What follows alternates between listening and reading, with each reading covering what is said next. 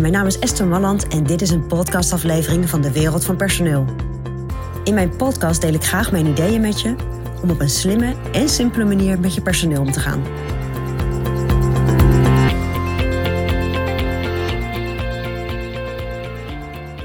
Je arbeidscontract is natuurlijk een ontzettend belangrijk document dat je hebt met je medewerker.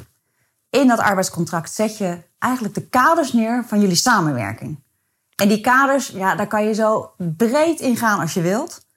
En je kunt het ook zo beperkt houden als je wilt. Er zitten een aantal belangrijke dingen die in elk arbeidscontract horen te staan. Maar daarnaast kan je van alles erin zetten wat je met elkaar afspreekt.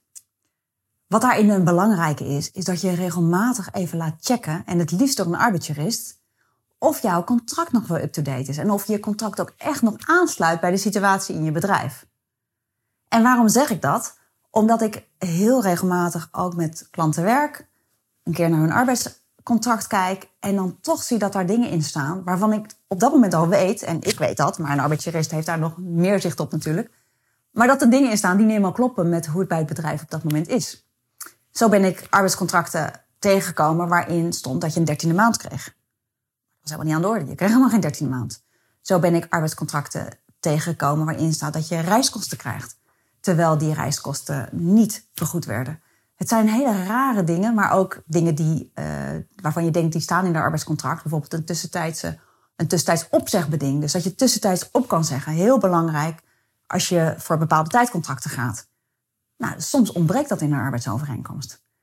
Een proeftijd, ook zo'n belangrijk ding. Heel belangrijk om erin te zetten.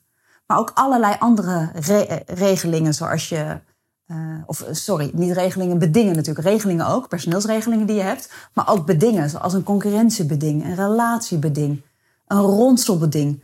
Ja, al dat soort dingen zijn belangrijk. Moet je wel een boetebeding ook bij doen, want als je dat niet hebt, dan heeft het weer zo weinig zin. Nou, kortom, er zitten allerlei aspecten in een arbeidscontract die heel belangrijk zijn en die echt moeten matchen met jouw bedrijf. Dus doe niet wat ik echt nog te vaak zie dat je een arbeidscontract van iemand leent, daar een aantal namen invult, een salaris erbij, aantal werkuren. Zo, klaar. Dat werkt niet.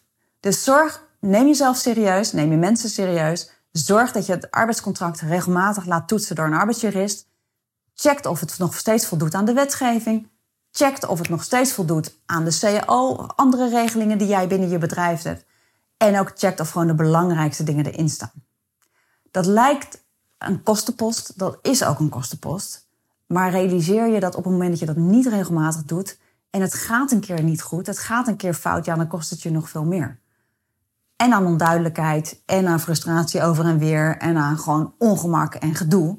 Dus uh, zorg gewoon dat je dat goed geregeld hebt. Ik denk dat dat een hele belangrijke basis is in je, in je bedrijf.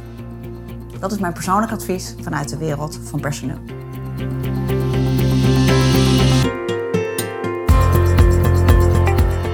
Je ontwikkelingen in de wereld van personeel blijven volgen?